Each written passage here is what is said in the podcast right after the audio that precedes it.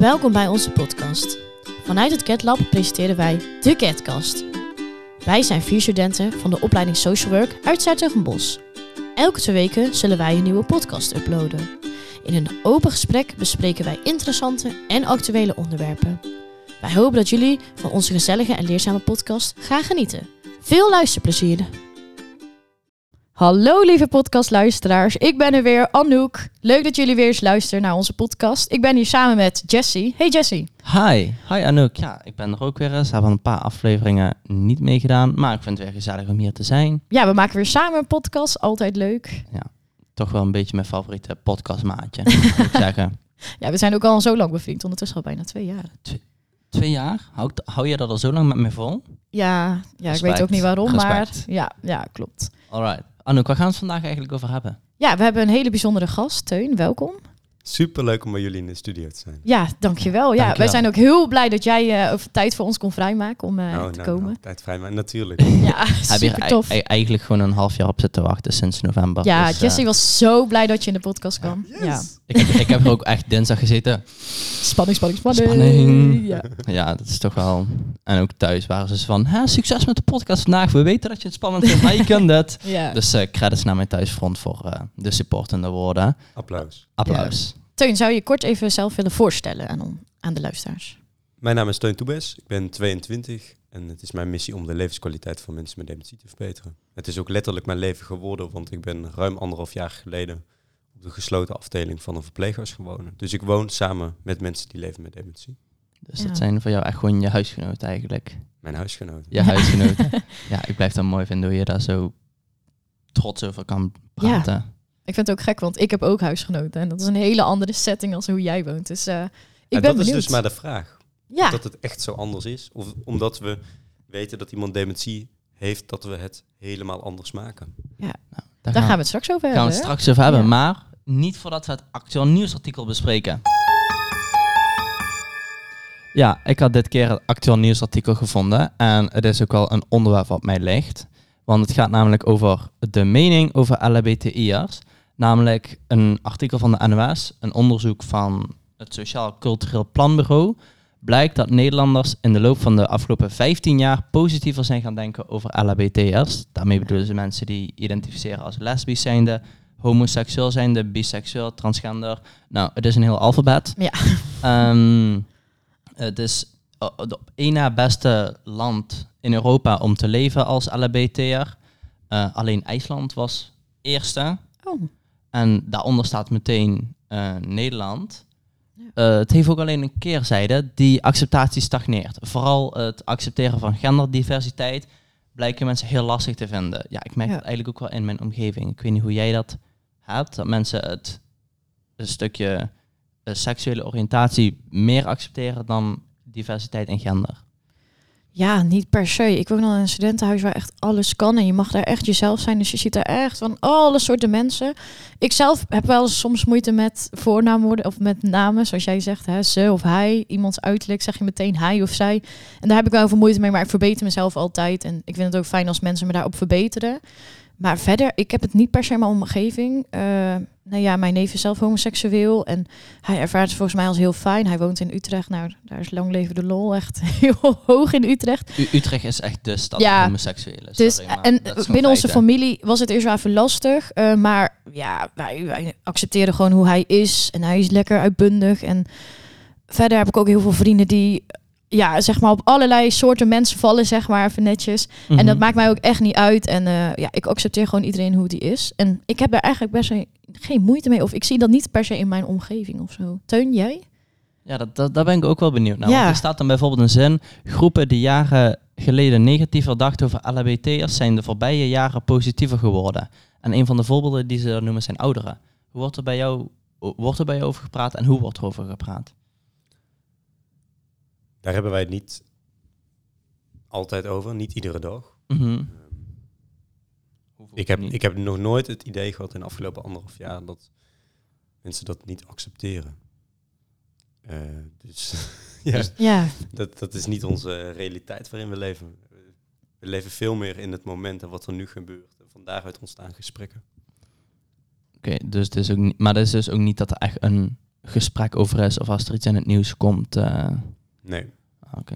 Dat is Nee, fijn. Ja. Wat ik leer van mijn huisgenoten is dat zij ontzettend veel ook heel erg leuk vinden en heel fijn. En Ja. mensen ook accepteren voor wie zij zijn.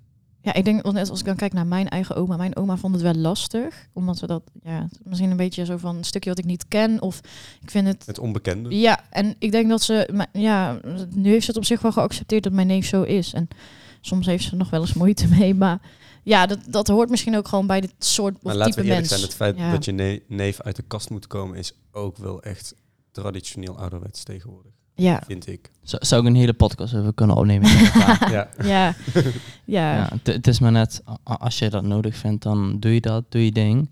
Maar als je gewoon opeens met iemand thuis komt en je zegt, hey, ja, dit is mijn vriend, dit is mijn vriendin, dit is mijn partner, net ja, fijn of toch? wat. Ja, doe je ding. Maar ehm, ja, dat, dan Ja, moet heeft maar goed dat het vooruit gaat. in Ja. Ja. geval. Ja, Ja, dat zeker. Dus ehm, nou, het is bijna een hele dubbele vraag, maar laat vooral in de comments weten hoe je zelf tegen dit onderwerp aankijkt. Ja. Want eh, ik ben eigenlijk wel benieuwd daarna hoe luisteraars daarnaar kijken. ik ook wel eigenlijk. Ja. Dus laat het vooral even weten en dan ehm, zullen wij de comments zeker even doorlezen. Ja. Dan gaan we verder met het thema van Ja, de week. dan gaan we toch eh, ons op jou focussen, Teun. Ja, All eyes on you. ja. All eyes on you. Nu bij, sta je in de picture.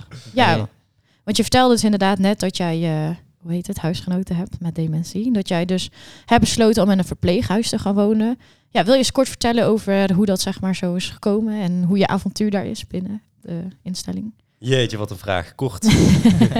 ja, het is heel moeilijk. Maar ik ben in een verpleeghuis gaan wonen omdat ik me zorgen maak over de toekomst voor mensen met dementie. Dat is geen hoopvolle toekomst. En waarom niet? Omdat we mensen met dementie als samenleving zijnde uitsluiten. Ze zijn geen volwaardig onderdeel meer van de samenleving. We leggen Ja. een stigma op dat mensen niets meer kunnen. Ja. Terwijl mensen ook nog heel veel dingen wel kunnen. En we hebben er in Nederland voor gezorgd dat dementie is geworden tot een sociale dood. Dus dat mensen met dementie in sommige situaties al sociaal dood zijn voordat hun hart stopt met kloppen. En dat is natuurlijk super pijnlijk en ook niet wat een inclusieve samenleving typeert. Ik woon op de gesloten afdeling van een verpleeghuis, dus er zit een code, slot bij de deur. Ja, En alleen mensen die die code hebben of een pasje, die kunnen eruit. Maar ja, mensen die leven met dementie kunnen daar niet uit. En dat is ook niet inclusief. nee, het Want er beetje zijn alternatieven Ja, dat het niet nodig is. Dus wat ik vooral doe, is mezelf heel veel vragen stellen. En dat deed ik ook voordat ik in het verpleeghuis woonde. En toen stelde ik mezelf de vraag, hoe is het om in een verpleeghuis te wonen? En kennen we die rol überhaupt nog wel ja, goed? Dus toen heb ik een organisatie gemaild, gevraagd, zou ik bij jullie eh, een eh, pitch mogen houden? Ik heb een idee. Ehm, ik was toen twintig en dat mocht. Ik eh, heb overigens verpleegkunde gestudeerd. Ik studeer Ja. nu eh, master zorgethiek en beleid in Ja. Utrecht. Oh Ehm, en ik ben direct verhuisd naar het verpleeghuis toen. Het was fantastisch. Het is zo ontzettend mooi om een gelijkwaardige relatie, daarom ook huisgenoten, met mensen Ja. die leven met dementie te mogen opbouwen. Ja. Tegelijkertijd ook heel pijnlijk hoe het zorgsysteem en hoe Ja. we als samenleving ehm ontmenselijken. ja. En om even de duidelijkheid, het, het fundament te leggen. ehm, in Nederland, één op de vijf mensen krijgt dementie. Oké, ja, Dus dat is veel. ja, Eh, op dit moment levert 290.000 met mensen met dementie in Nederland en dat verdubbelt de komende 20 jaar. Nou, we gaan niet meer verpleeghuizen bouwen, dat moeten we ook niet willen. nee. Eh, we kunnen geen verpleeghuizen bouwen tot aan de hemel. Want er zijn verpleeghuisplekken nu, alleen niet altijd genoeg omdat de zorg thuis niet aansluit. Ja, Dus dementie is het sociaal-maatschappelijke vraagstuk van de toekomst. Want het aantal mensen gaat zo ontzettend toenemen. Dus ja, iedereen, de kans is één op één dat je mee in contact komt. Nou, dat maakt het een groot vraagstuk. En daarin, daarin hoop ik dat we vanuit de ervaring die ik mee kan nemen vanuit het verpleeghuis, eh, die vragen kunnen gaan beantwoorden.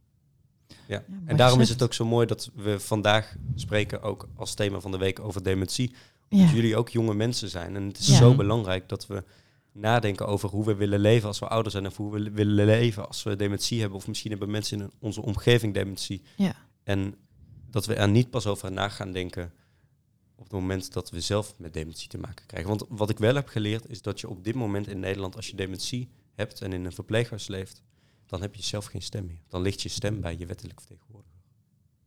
Mooi gezegd. Ja. ik, ik word hier echt stil van. Ja. Maar dat vind ik sowieso als ik al hoor praten. Ik moest er ook Ja. heel lang over nadenken, dat je zegt. Het is echt heel diepzinnig. Want Ik krijg, ik krijg meteen een voorbeelden van gewoon mensen... Want mijn tante werkt zelf in een verpleeghuis en hoe dat is inderdaad. En jij, hebt, jij werkt nu ook met ouderen bijvoorbeeld. Ja, Hoe vind je dat? ja ik, ik, ik wilde eerst echt helemaal niks met ouderen te maken hebben. Uh, dat is ouderpsychiatrie, dus dat is wel een andere combinatie. Uh, maar ik vind het ontzettend uh, waardevol. Mensen zijn niet altijd even aardig tegen je, maar het komt vanwege de psychiatrische Dat is ziekte. in het normale leven ook niet. Toch? Nee, ja, maar mensen zijn inderdaad ontzettend dankbaar als je al iets kleins doet. En dat is bijvoorbeeld ook uh, binnen de uh, verstandelijk gehandicaptenzorg. Um, maar mensen hebben daar echt heel, heel blij met kleine dingetjes. En uh, ja, ik probeer ze ook zoveel, want ik doe dan dagbesteding daar. Zoveel mogelijk leuke dingen met hun te doen. Dus we hebben altijd één keer in de week doen we een beauty day. Om gewoon mensen echt goed te verzorgen. En mensen er ook verzorgd uit te laten zien. Want ik vaak in de psychiatrie zie dat mensen altijd met uh, kapotte kleren lopen. Of verschut of met een baard van half zeven. En dat vind ik gewoon niet kunnen. Dus ik vind het netjes dat mensen hun nagels verzorgd zijn. Baard er goed bij zit. Wenkbrauwen doen we altijd. Gewoon dat En mensen ook- schone ook dingen dit eruit is zien. heel interessant, hè? want dan gaat het erover. ehm, dat, dat vind ik fascinerend. Kijk, mensen gaan in de zorg werken of in, komen met andere mensen in contact vanuit de Ja. beste bedoelingen. En we hebben vaak patronen. Dus wat vinden we als samenleving normaal? Wat is onze ja, norm? Ja, Vinden we het normaal dat mensen nette nagels hebben, dat ze geen kapotte kleding hebben? Of eh, sluiten we ons aan bij de beleving van iemand anders die ja. die kapotte kleding juist heel mooi vindt? Of Ja. die, die misschien veel juist het gevoel heeft autonomie te hebben door nagels niet te knippen? Ja, ja zijn bij ons vinden ze dat wel fijn. Ja, Ja, het zijn allerlei perspectieven die in de samenleving en zeker ook in het verpleeghuis samenkomen. ja. En daar moet je iets mee, of juist helemaal niets. Want wat ik ook heb geleerd, is dat we soms juist te veel doen in de zorg. En we willen te veel Mhm. van mensen. ja en daarmee ja. laten we hen te weinig in hun eigen beleving leven. terwijl dat Ja. aan de andere kant is wat je zegt van eh, dat wat daar bij Anouk op haar stage wordt gedaan, toch wel een beetje het menselijke terugbrengen is. Dat ze toch verzorgd worden. Want als dat niet gebeurt, dan zullen er zeker ook mensen tussen zitten die zich helemaal niet meer fijn voelen. Omdat ze Ja. of de nagels of de kleren of net wat er gedaan wordt. Nee, ja, ik snap je wel. Want ik heb dan in een psychiatrie ook stage gelopen. En daar liep een man inderdaad gewoon altijd in. Die man had heel vaak psychoses in bijvoorbeeld een felroze broek of Mhm. zo. En dan inderdaad een gat in zijn shirt. Maar ik wist gewoon dat hij zich daar comfortabel in voelde. En hij had heel vaak glitterbroeken aan. Dat kon echt niet. Want volgens de Nederlandse norm denk je, oh, die man moet gewoon net de broek aan. Die man liep op straat echt de meest vage kleren. Maar ik wist gewoon dat hij zich dan op dat moment echt goed voelde. En zich gewaardeerd voelde en zich zag staan binnen de maatschappij. Want hij viel ook waarschijnlijk op mannen, dat weten we niet zeker. Maar hij voelde zich dan ook echt gewaardeerd. En hij kwam ook helemaal show in de kleren. En toen dacht ik, ja, laat hem gewoon lekker doen. toch? Ja, en dan ging ze nagels lakken. Zei ik, prima, ga je gang. Weet je, kijk, nagelslakken tegenwoordig bij mannen is alweer geaccepteerd in Nederland. Eh, maar bijvoorbeeld gekke kleren aandoen bij mannen, hè, dat, ja, dat, Maar het, ja. het gaat er ook heel erg over, en dat is belangrijk om ook ehm, met elkaar uit te spreken. Mensen blijven altijd een persoon. ja, Of je nu woont op de plek waar je werkt, of dat je nu woont in een verpleeghuis en, en dementie hebt, misschien zelfs eh, binnenkort komt te overlijden. Je blijft Ja. altijd een persoon. Je Ja. blijft altijd een identiteit hebben. En ja, soms verandert een persoon. ja, Vaak bij mensen met dementie eh, is dat wat eh, mensen in de omgeving zeggen. I- iemand verandert zo. Maar je kunt ook stellen ten opzichte van wie? Ten opzichte van de persoon die iemand drie jaar geleden was? Of ten opzichte van de persoon die iemand was toen diegene tien jaar was? ja, Maar iemand blijft wel een persoon. Ja. Tot, dat- tot- kijk, we blijven allemaal verlangende wezens tot, tot het bittere eind. En, ja. en ieder mens blijft op zoek naar warmte, liefde en bevestiging.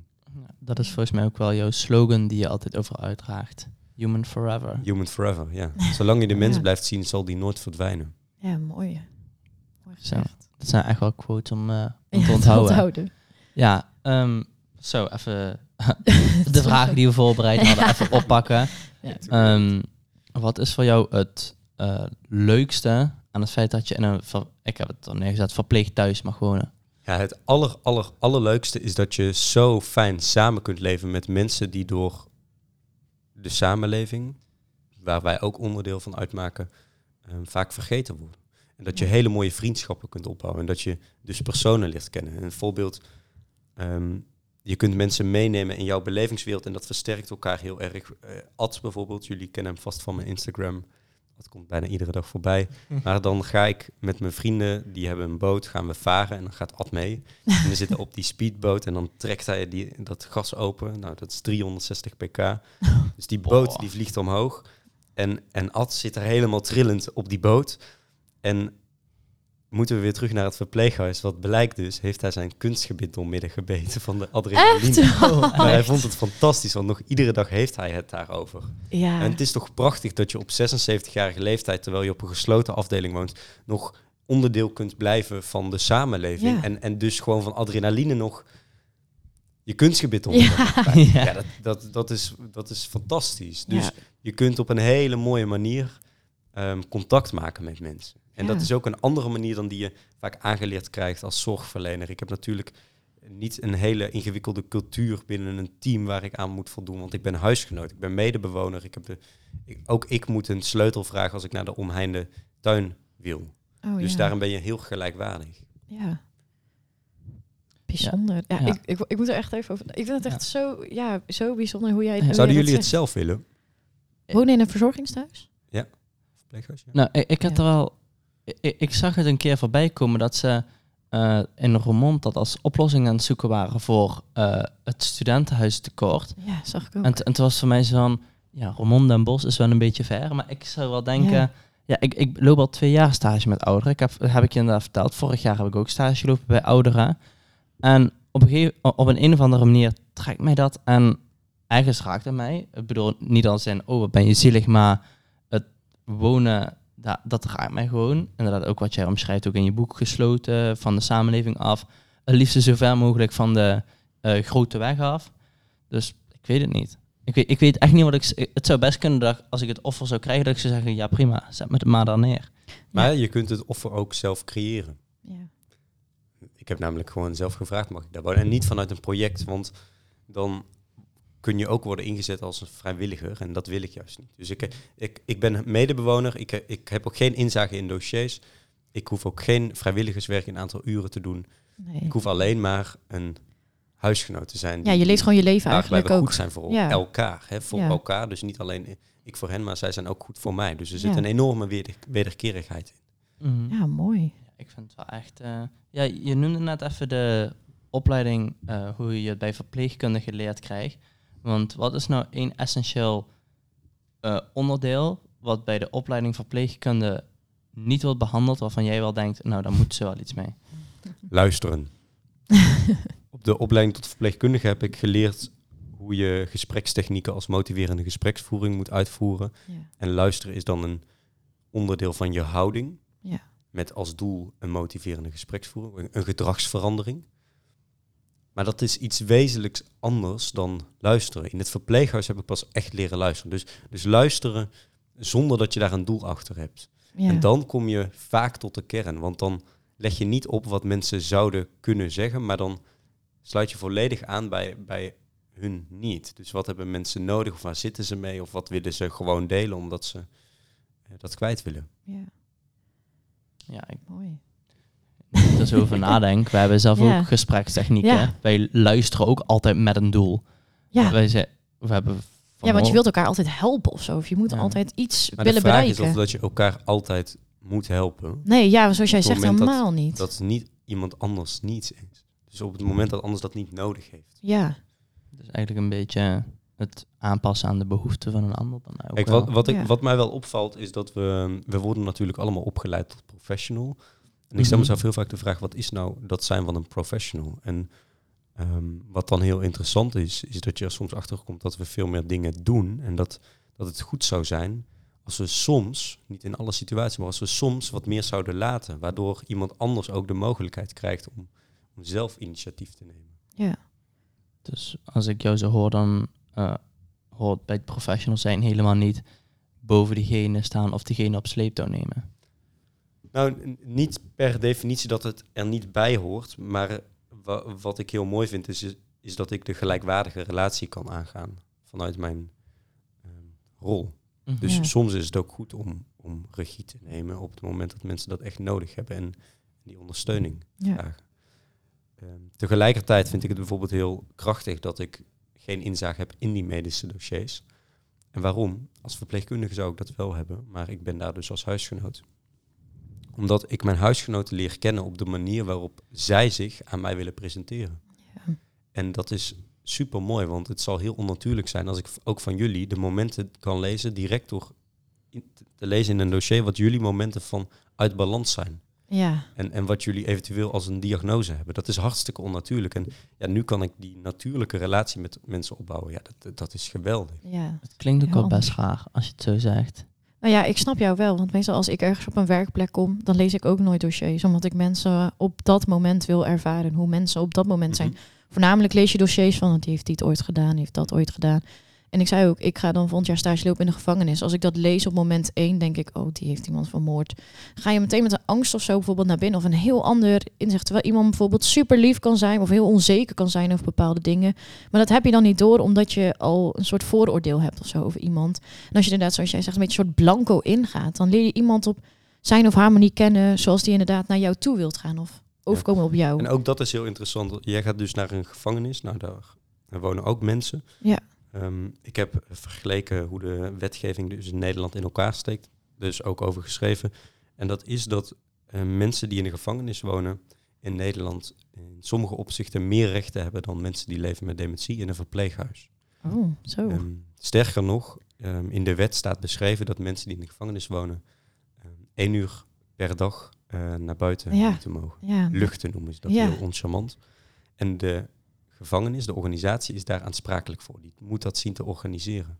Voor mensen met dementie hebben we dat niet. En nee, mensen wonen ook op een gesloten afdeling. ja. En heel veel mensen komen ook niet buiten. En de zorg heeft natuurlijk de beste intenties. Alleen, alleen goede intenties is niet genoeg voor het leven Ja, van mensen ja. met dementie. Dus, en dan zeg ik niet, dan moet een regel komen dat, dat mensen met dementie één uur per dag moeten luchten. Want dan gaan we weer vinken en gaan we kruisen. En dan, ja maar dan beseffen we de essentie niet. Maar het is natuurlijk wel een heel interessant Ja, patroon dat opkomt in, in hoe we naar mensen kijken. En hoe soms ehm, het beeld van, van zorg, eh, als je dementie hebt, nog afstaat van, van de werkelijkheid. En ja. dan is het belangrijk om te kijken welke stapjes kunnen we nemen om, om dat leven met dementie meer betekenis te geven. En ervoor te zorgen dat mensen dus nog wel eh, Ja. onderdeel van de maatschappij uit blijven maken. Want mensen die in de gevangenis wonen, die keren misschien terug in de maatschappij. ja, En daar heb je een traject ehm, dat Ja. daar naartoe werkt. ja. Alleen mensen die op een gesloten afdeling wonen, die blijven daar. ja, die, die worden soms naar hun gevoel. Ik praat heel erg vanuit het, het- het gevoel en de beleving van, van mensen in het verpleeghuis, omdat ik, mijn huisgenoten dat veel aan mij vertellen. Ja, Maar zij worden uit de samenleving gehaald en er wordt niet altijd geïnvesteerd in hoe je ervoor kunt zorgen dat iemand nog onderdeel blijft van de samenleving. nee. Ja, want zoals jij zegt inderdaad. Die blijven alleen maar, terwijl, bu- terwijl buitenlucht juist zo goed is. En ik vond het juist zo mooi dat je het verhaal vertelde over de boot. Het is toch iets kleins wat iemand toch best wel, denk en dat nodig ligt heeft. niet altijd aan meer personeel, ligt ook niet aan meer geld. Naar mijn idee begint dat bij eh, het mensbeeld dat je hebt. Dus Ja, Ehm, ik zeg vaak, anders kijken is anders doen. Op het moment dat we als maatschappij een ander beeld krijgen van mensen met dementie, dan gaan we automatisch anders doen. En dat kun je. Dementie is dus, zoals ik benoemde, een enorm grote sociaal-maatschappelijke uitdaging. Over klimaatverandering werd twintig jaar geleden ook werden hele andere dingen van over beweerd. Toen had je zure regen en toen deed iedereen er lacherig over. En nu Ja. zie je, op het moment dat we anders gaan kijken naar klimaatverandering, gaan we anders doen. Ja, Dan gaan we het beleid aanpassen, dan gaan we maatschappelijke verwachtingen aanpassen, dan gaan we één op één anders spreken over het klimaat. En zo werkt het ook bij dementie. We moeten informatie delen die recht doet aan de waarheid. Mensen met dementie blijven altijd personen en waardevolle mensen. ja. En op het moment dat we dat beseffen, dat ook zij een stem hebben, dan richten we dat systeem anders in. Dan richten we onze samenleving anders in. En de verpleeghuiszorg die, zoals we die nu kennen, dat is het product van hoe we als samenleving kijken naar zorg. Hè. Bijna een wereld waarin geen incidenten mogen gebeuren. Maar waarom mogen wij als jongeren alles doen wat God verboden heeft? We mogen alle risico's nemen, ehm, ook al zijn ze heel klein en horen ze eh, normaal bij het normale leven. Dus aanvaardbare risico's. En op het moment dat wij nu dementie zouden hebben, dan kijkt de samenleving anders naar je. ja. Want dan zullen we niet meer wilsbekwaam zijn. Ja, dat is natuurlijk heel moeilijk. Want daarmee opnieuw neem je soms ehm, de menselijkheid af. Van mensen die juist die menselijkheid zo hard nodig hebben. Ja, mooi dat je dit zegt. Ja, we hadden dan net inderdaad over ervaringen, dus ja, met de boot. Maar heb je ook bijvoorbeeld pijnlijke momenten gehad eh, binnen het verpleeghuis of binnen de tijd dat je met je huisgenoten daar hebt gewoond? Of dat je nog woont? Nou, zeker ehm, zijn er momenten waarop je verdriet hebt en waarop je denkt, waar doe ik het voor? Ehm, daar denk ik zeker vaak over na. Wat ik bijvoorbeeld merk is dat veel huisgenoten van mij overlijden natuurlijk. Want ik woon in Ja. een verpleeghuis en de gemiddelde opnameduur in een verpleeghuis is in Nederland is acht, negen maanden. Ja, dat is weinig. Dan ja. zijn mensen overleden. Ja, Dus het is zorg in de laatste levensfase waarbij het zou moeten draaien om die kwaliteit van leven. Maar dat Ja. betekent ook, ik woon er ruim anderhalf jaar, dat ik veel huisgenoten ben verloren. ja, En soms is dat wel moeilijk. En waarom? Omdat ik zelf wel weet, rationeel, dat de dood bij een leven hoort. ja. Ehm, maar ook in de opleiding gaat het heel weinig over een rouw en verlies, over stervensbegeleiding. Dus het voelt soms bijna, en dat is pijnlijk, alsof mensen niet ehm, dood mogen. Alsof ze niet de regie mogen nemen om te sterven. ja. Of een lichaam niet mag zeggen, ik ben op, ik val op de grond en, en je overlijdt. En dat is natuurlijk een vraag die heel erg wordt afgedekt in onze samenleving. Daar, daar, daar, daar mogen we het bijna niet over hebben in, onze, ja. in ons mensbeeld dat we hebben. Ehm, we, zouden bijna allemaal honderd moeten worden. Ja, ja. Maar de dood is natuurlijk wel onderdeel van het leven. En ik weet dat mijn huisgenoten met dementie leven en dat ze in de laatste levensfase zijn. Alleen op het moment dat je een, een hele mooie relatie, een vriendschap met iemand aangaat, met Ellie bijvoorbeeld. Nou, zij, zij ehm, was boven de 90. Dan, Ja. dan voelt die vriendschap niet als die, een vrouw met dementie. Dus dat voelt gewoon als een vriendin. ja. En dan word je ermee geconfronteerd dat iemand wel in de laatste levensfase is Ja. op het moment dat het heel slecht met iemand gaat. Maar ook dat, dat hoort bij het leven. ja. Dus dat is soms moeilijk voor jou om even dat eh, voor je te houden. Of is het vooral het feit dat het gebeurt? Nee, het gevoel, je is? nou los van, los van de vragen die ik dan stel, want ik stel dus constant vragen, waarom doen we de dingen zoals we die doen? Ik vind dat we die vraag meer mogen stellen. En los van de vraag of mensen ehm, ook het leven mogen laten, ehm, vind ik het ook in mezelf natuurlijk een vraag van, goh, hoe, kom, hoe bouw ik die relaties op met mijn huisgenoten en wat doet dat met ja, de realiteit van hun leven nu, hè, dat mensen overlijden. En soms Ja. is dat ingewikkeld, omdat je dan dus een soort mindfuck hebt. Dus, eh, oh ja, eh, iemand voelt als een vriendin en iemand ehm, heeft dementie, woont op de gesloten afdeling en zit in de laatste levensfase. ja. Zo, yo. Ik heb niet vaak dat ik zo stil word. Nee. Ik sta bekend om mijn woorden, maar Ja, mooi verhaal. ja, dan het even, ik bedoel, het is belangrijk om het gesprek over dementie te blijven voeren. Maar ik ben eigenlijk ook wel een beetje benieuwd naar jou, om heel eerlijk te zijn. Want ehm, ehm, om, om even een voorbeeld te pakken. Toen je 19 was en hoe je nu bent, hoe is jouw leven veranderd? Behalve het feit dat je nu ergens anders woont. Hoe is mijn leven veranderd? Nou, ik besef veel dieper. Ik voel nu tot in mijn haarvaten dat het belangrijk is dat we anders omgaan met mensen met dementie. Toen ik 19 was, had ik, ehm, had ik in mijn tweede of derde leerjaar van de opleiding, had ik mijn stage gehad in het verpleeghuis. En toen keek ik ook nog anders naar dementie. Ook nog veel meer vanuit het systeem denkend en hoe ik Ja. werd opgeleid en de cultuur waar je in terechtkomt, waar je in meegaat. En nu ik dichter bij mensen met dementie sta, heeft dat me in die zin veranderd dat ik, dat ik ehm, die menselijkheid van hen veel meer waardeer. Zo. Diep om over na te denken. Diep om en ik na voel te gewoon denken. dat dit, dit is waarvoor ik leef. Het is mijn levensmissie en ehm, dat voel ik heel sterk. En iedere dag op het moment dat je met mensen in contact komt, dan denk je, ja, maar, maar dit is precies hoe het nu gaat, hoe het anders zou kunnen, waar we met Ja. elkaar aan kunnen werken. Ehm, dus je wordt gewoon iedere dag ge- geconfronteerd soms en soms ook zijn het hele mooie dingen met, oh ja, ehm, dit is de richting die we gezamenlijk op kunnen om te zorgen voor die hoopvolle toekomst die mensen ook nodig hebben. Ja, mooi. Ja, we hebben dus... eh, eh, ja, oh, Jesse heeft heel veel met dementie, dus hij heeft er heel veel over verteld. Maar er hangen ook nog steeds stigma's rondom dementie. Eh, ja, wat vind jij daarvan? Vind je dat dat moet verdwijnen? Of hoe, hoe moet dat verminderd worden? En vooral, eh, welke stigma's zijn het die jij Ja. vaakst hoort, waar je echt gewoon hoofdschuddend bij wegloopt? Nou, ik wil die terug horen van jullie. Want op het moment dat het in jullie omgeving over dementie gaat, los van Mm. of het er over, ooit over gaat, nou, wat horen jullie dan? bij mij gaat het wel over, want ik, eh, ik heb nog het geluk dat ik een overgroot oma heb. Die is intussen 93. En daar gaat het nog gewoon helemaal goed mee. Die heeft mentaal nog nergens last van. bedoel, fysiek, dat komt met de jaren. Maar, en dan hebben we wel over eh, dat we eh, denken dat ze achteruit gaat. Ehm, en dan valt het voor dementie ook wel eens, maar dat, ehm, wat ik vooral merk, en dat is ehm, iets wat op school ook nog wel eens gebeurt, dat het voor dementie al wordt gebruikt van omdat je iets vergeet. Van zo, nu heb ik echt een beetje dementie. Dat merk ik vooral. Mhm. Ehm, Ja. Ik weet niet hoe dat voor jou is. Ik bedoel, Ja, ik heb mijn oma is al eh 85 nu. En die gaat ook inderdaad langzaam achteruit. Maar wij grappen daar een beetje over. Omdat we niet per se willen dat zij dat ook doorheeft, zeg maar. Ze zegt wel eens, god, vergeet ik het nou weer al? Zeg, nou oma, eh, schrijf het dan op de volgende keer of zo. We helpen haar daar wel bij. Maar verder, ja, in mijn omgeving niet zo erg extreem. Bijvoorbeeld op mijn stage heb ik bijvoorbeeld geen dementie. Mensen zijn nog vrij jong. Nee. Wat, wat ik en vooral... dat is het ook, hè. we hebben het er- ook niet vaak Nee, over. nee. En, en als het erover gaat, want dat had ik vooral, en dat moet ik ook eerlijk toegeven, toen ik in mijn eerste jaar aan mijn stage begon, ehm, het beeld dat je vaak hebt is dat het saai is. Want het Ja. zijn ouderen. En herhaling, want Ja. veel herhaling. Maar dat hoeft natuurlijk niet altijd bij iedereen.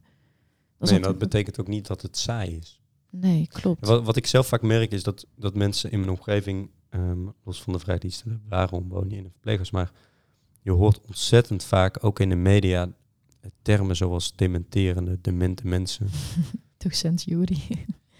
Ons, sorry dat ze zo onderbreken, maar onze docent heeft ons in les 1 van jaar Ja. 1 gezegd, eh, Het zijn mensen met dementie. Exact, Ja. exact. Alleen niet iedereen spreekt dat nog zo uit, maar dat zegt heel veel over het stigma ja. mhm.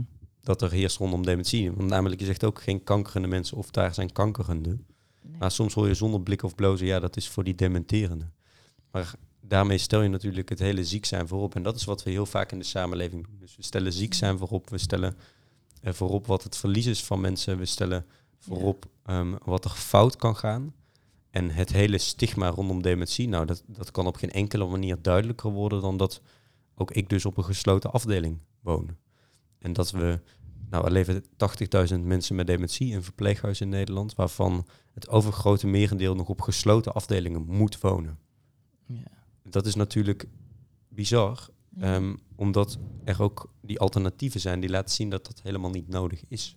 ja. En misschien hebben sommige mensen die veiligheid en geborgenheid wel nodig, maar daar kun je ook op een andere manier mee omgaan. En daar zijn ook alternatieven voor. Maar mensen collectief opsluiten en wegstoppen is nooit de oplossing.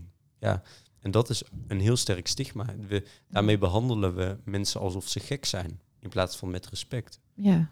Ja, ja, want ze kunnen er ook toch niks aan doen dat, dat het nou eenmaal zo gebeurt. En ieder persoon reageert er denk ik ook anders op op dementie. ik, ik, ik Het is, kan me ook dementie is natuurlijk ook heel complex. Het is een, een, een verzamelterm van allerlei Ja, ziekte, ziektes. dus het, ja. het is ook heel complex. Alleen soms heb ik ook het idee dat we het leven heel complex maken. Ja. Doordat we andere dingen gaan doen dan die we in het normale leven gaan doen. Dus bijvoorbeeld als ik ehm, aan tafel zit 's ochtends, dan wordt er een tovertafel aangezet. Nou, misschien kennen jullie die Ja, wel. ja. Zo'n Mhm. bierman die boven een tafel hangt en dan heb ik net ontbeten. En dan ehm, verschijnen er allemaal vissen op eh, de tafel. Nou, dan denk ik, eh, ben ik nu gek of word ik gek gemaakt? Ik heb net aan deze tafel ontbeten en nu zwemmen er allemaal vissen over de tafel. en dan zit ik onder, onder het water. Letterlijk, vanuit, als je aan Ja. aan tafel zit, zit je onder het water. Dus daar, dat is heel vreemd natuurlijk. Of Ja. als er vlinders op tafel verschijnen waar je dan op moet tikken, dan denk ik, hoe, hoe, waarom maken we het hier zo complex? En waarom moet ik op zo'n ding tikken dat duizenden euro's zorggeld kost, terwijl de deur naar de omheinde tuin op slot is, terwijl daar de echte vlinders zitten? Dus Ja. in hoeverre is het leven met dementie ook nog een, een echt leven en eh, sta je in verbinding met het leven eh, Mhm. buiten de muren? Ja, ik weet nog dat ik jouw hoofdstuk las over hoe dingen te veilig zijn. En ik vond dat wel een van de indrukwekkendste hoofdstukken om te lezen. Ook dat je zegt bijvoorbeeld met die nepplanten, dat die gevaarlijker zijn dan echte planten. Dat, dat, dat was ook echt een Eureka-momentje voor mij. Dat ik dacht, ja, inderdaad, overal Ja, en dat gaat er dus dingen. over dat we denken dat mensen met dementie planten eten, dat ze giftig zijn. Dus dan hebben we een eenheidsworst en dan denken we, nou laten we dan nepplanten doen. Dat zit hem ook niet in geld, want laatst kwam ik op een locatie die had voor 25.000 euro aan nieuwe nepplanten gekocht. 25.000. Terwijl er natuurlijk, ja, 25.000. Maar er zijn natuurlijk ook gewoon echte planten die niet giftig zijn. En los daarvan, Ja. op het moment dat iemand een hap potgrond neemt, betekent dat Ah. dat dat je alle echte planten uit het huis. Kijk, hoe kunnen we leven van mensen met dementie verwachten als we een dode omgeving creëren? Dat ja, gaat niet. nee.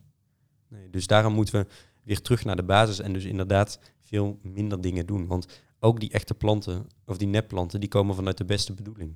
Namelijk dat Ja. mensen die Ja. planten niet eten. Alleen zo'n be- goede bedoeling helpt ons hierin dus niet. Het is zo onrealistisch dan ook. Je je maakt een soort onrealistische wereld. Exact, inderdaad. ja. En zoals jij schreef, vo- volgens mij meen ik me dat herinneren, in zo'n plastic plant zit vaak een stuk staal of een stuk ijzer. Dan zag ik een keer een huisgenoot lopen met een stuk ijzer uit de oh, ja.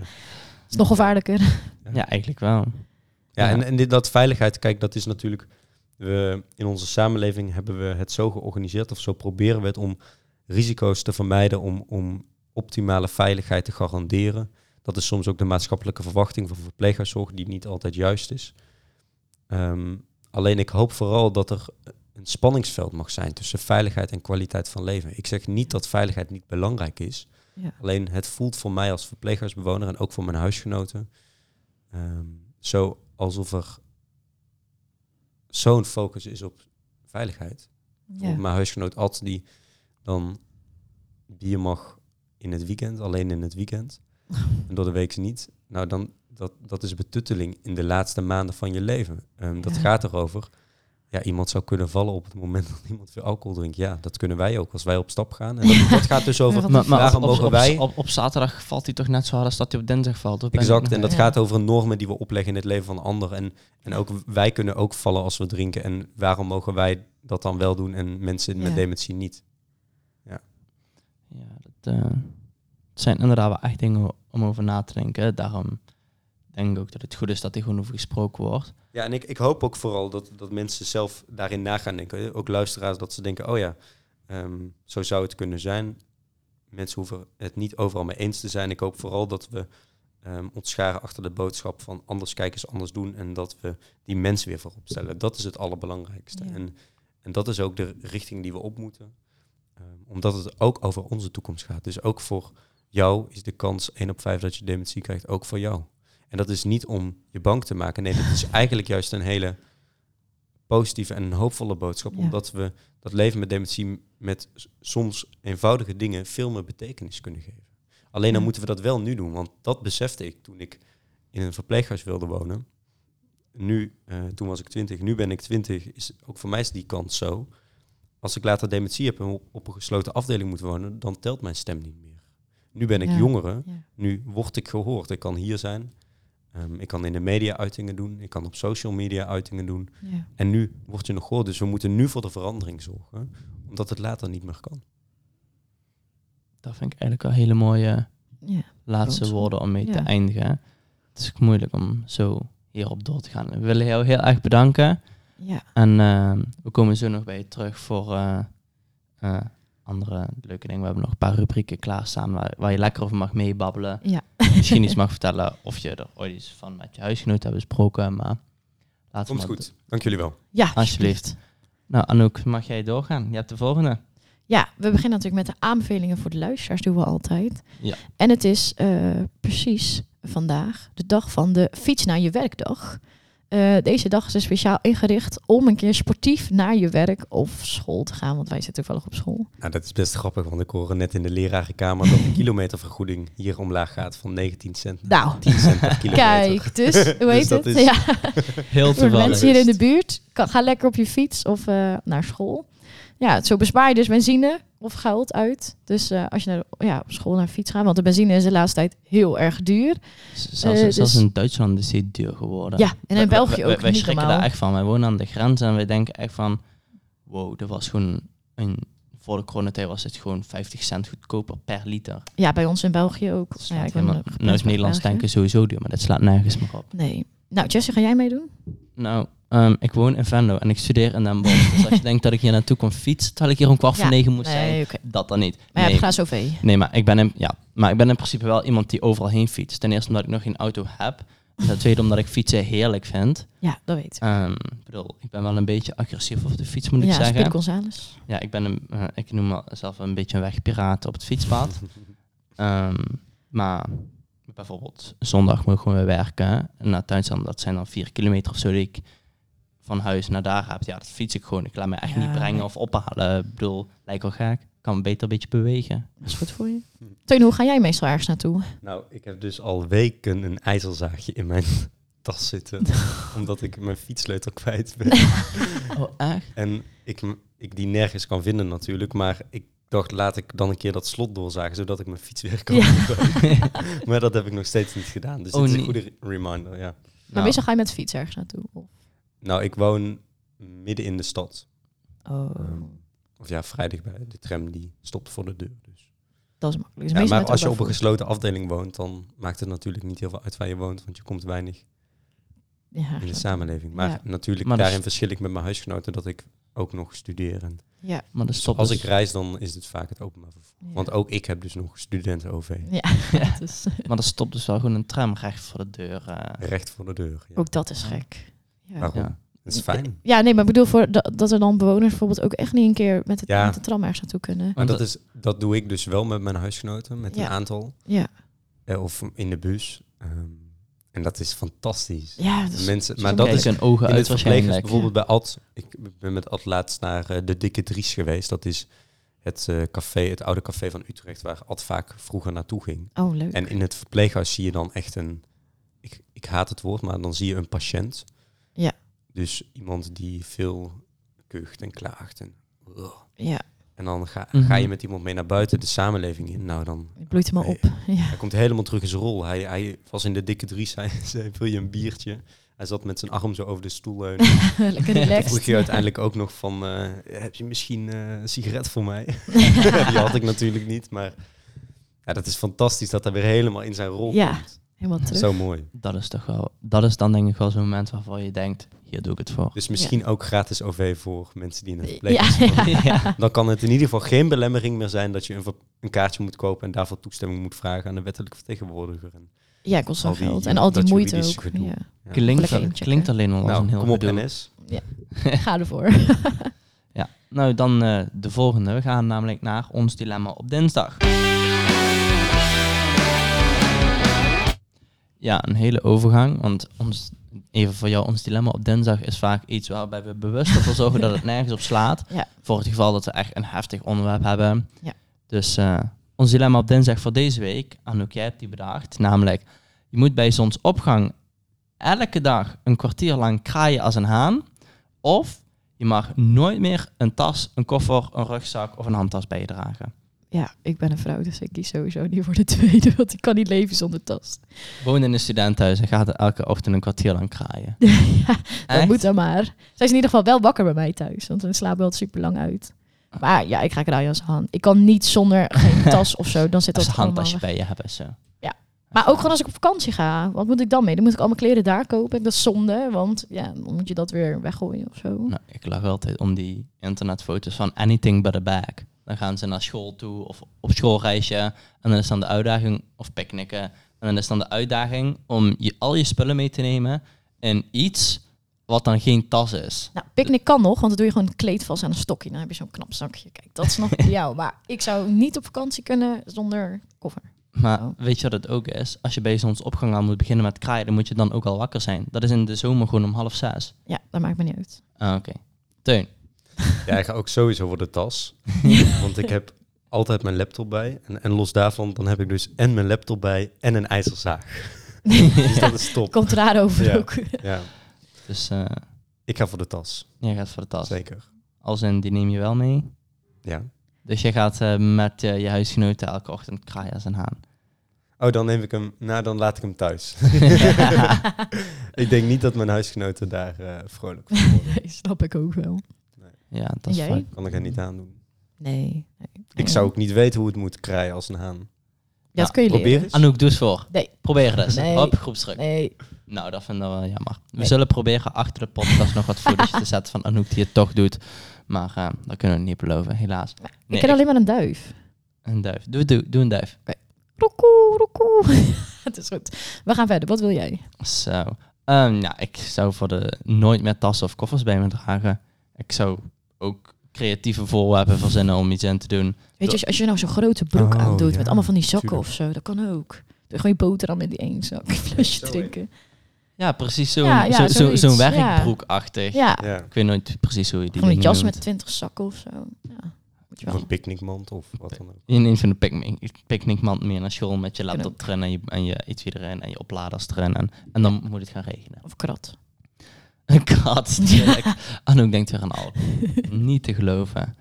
Nou, nou gaan we het hebben over iets anders wat Anouk heel graag doet. Het is namelijk tijd voor de tips en tricks. Namelijk, hoe kom je de studententijd door? Ja, want eh, het is weer lekker weer. Nou ja, bij ons nu even niet. Vandaag niet. Maar eh, het festivalseizoen is weer begonnen. Dus eh, Oeh, ik ga binnenkort Pinkpop. Ja, Leuk. Ja, ik wilde heel graag naar Metallica vrijdag. En ik heb via Ticketswap nog even een kaartje kunnen regelen. Dat was wel heel duur. goed. Maar eh, ja, ik wilde heel graag. Metallica komt niet meer zo vaak naar Nederland. En ik hou van rockmuziek, dus daar wilde ik heel graag naartoe. Eh, maar er zijn nog meer festivals die aankomen, zoals Defcon in Beddinghuizen, Toverland Live in Zevenum, Parkpop in Den Haag, Graspop voor de mensen die eh, bij mij in de buurt wonen is in België in Dessel en Rock Werchter natuurlijk, dat is niet zo ver van mij vandaan, in Werchter zelf. Dezelfde line-up als Pinkpop, dus als je weet het, eh, niet naar Pinkpop gaat, kun je nog naar Rock Werchter. Maar eh, ja, ik eh, hou echt van festivals. Ik ga al, dit is al mijn derde keer dat ik naar Pinkpop ga. Ja, ik vind het echt een te gek festival. Allerlei muziek komt daar voorbij. Ik heb echt superveel line-ups al gezien. Dus ja, jij bent weer van de Defcon, hè Jesse? Ja, Defcon is met mijn muziek. Ja. Oké, er al lang nog steeds niet naartoe. Ja. Ja, ik was dus laatst bij, ik was laatst in Toverland, want Toverland is gewoon een attractiepark. Ja. En ehm, ehm, ik zag wat voor artiesten er kwamen. Nou, met alle respect, maar ik ga echt niet naar Maan luisteren of naar, eh, hoe, hoe heet die, Frees, twee Susanna Freek. Boah, dat, is echt, daar kan ik niet naar luisteren. Zet mij maar bij Defcon neer Ja. of zo, of bij Sabaton. Daar kan ik veel, Graspop is ook leuk, dat is ook rock. naar luisteren. Ja, maar dan moet ik naar België. Ja, oké, zo'n stukje. Rock werkt er ook. Teun, hoe kom jij de studententijd door? Ja. Ga je ook naar festivals? Ik ga naar Lowlands. Oh, vet. Ja, dat is Oh, ook cool. nice. Ook Ja. in augustus. Ja. Met mijn caravan. Die staat nu in de tuin van dat verpleeghuis. Echt? Ja. Die staat daar gewoon te staan.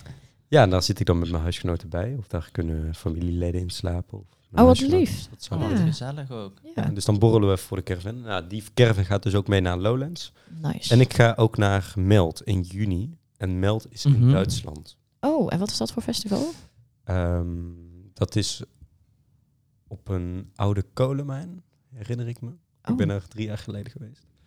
Fantastisch festival. Er komen hele leuke artiesten. En ehm, het is ook een enorme variatie aan muziek. Gaaf. Heel leuk. Dus het is Creatief. een heel breed concertfestival eigenlijk wel. eh. Nee, geen concert. Het is, ehm, ehm, het is vooral ook een heel creatief festival. Oh, Oké, ja. Echt super. Ja, leuk om te horen. Z- zijn jouw eh, huisgenoten een beetje van muziek? Wat houden ze van? Ja. want, want ik weet nog Nou, vorig laten we jaar... dat stigma ook maar meteen uit de lucht halen. Dat ehm, mensen niet allemaal van André Rieu houden. Gelukkig.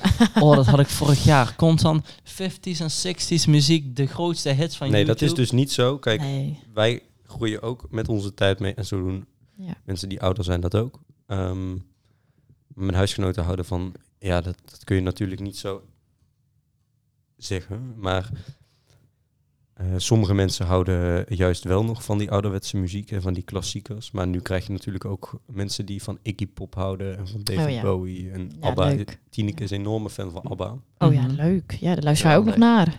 Zo, zo, ik ga met haar een jam sessie houden. Ja, wat is echt vind- onze lummers, hè, Abba.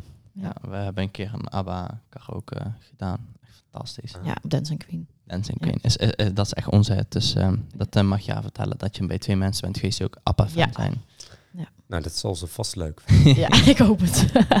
maar ja, eigenlijk is dat gewoon de muziek die ik zelf ook luister. Want ik luister juist heel vaak jaren 80. Het is gewoon eigenlijk nog super hip. Want ja, iedereen heeft toch zijn eigen Het is muziekgenre. fantastisch dat je dus dan muziek uitbrengt en dat de jongeren van nu nog altijd die Ja. muziek herinneren. Ja, maar je kan ook met iedereen Gewoon gewoon 40 samen muziek later. luisteren. Ja, Geweldig. Ja. Maar dat betekent dus ook dat mensen die toen jong waren, nu 40 jaar ouder zijn. Maar dat wij, in ieder geval dat weet ik zelf, dat wij altijd naar muziek gingen zoeken van toen hun jong waren. ja. Terwijl, Dat is ook met, met Elvis natuurlijk. Die is ook overal populair. Ja. En overal zijn mensen die hem nadoen. En Ja. Die daar weer hun geld mee verdienen. Ik, ik, ik, ik reis veel rond de wereld. Ik zag... ehm, ik was laatst in... Welk land was dit? Ik denk... Nee, het was Denemarken. Oh ja. En ehm, daar was ook een Elvis-imitator in het verpleeghuis. Dat was super leuk. Maar toen dacht ik ook, wauw, wat geweldig. Dat je dus artiest bent, je brengt muziek uit vanuit je hart. En, Ja. en zoveel jaar later wordt er in verpleeghuizen op gedanst. En echt waar, mensen kregen energie. Ja, dat is toch helemaal leuk? los. Ja. Toch mooi. ja, en niet weet ik veel eh meisje Alle- met rode haren of zo, maar gewoon Ja, als je daarvan houdt, muziek. ook prima. Ja, Alleen het is niet zo dat iedereen dat leuk vindt. Dat is natuurlijk met niets. En zo werken systemen soms dat we denken dat als een paar mensen het leuk vinden, iedereen dat leuk vindt. Dus Ja. een beetje over scheren wat er dan wordt gedaan. nee, dat moeten we niet doen. Hetzelfde als dat iedereen van Defcon zou houden. Oh, dat zou ik fantastisch vinden. wel, ja. Ik, ik zou helemaal losgaan.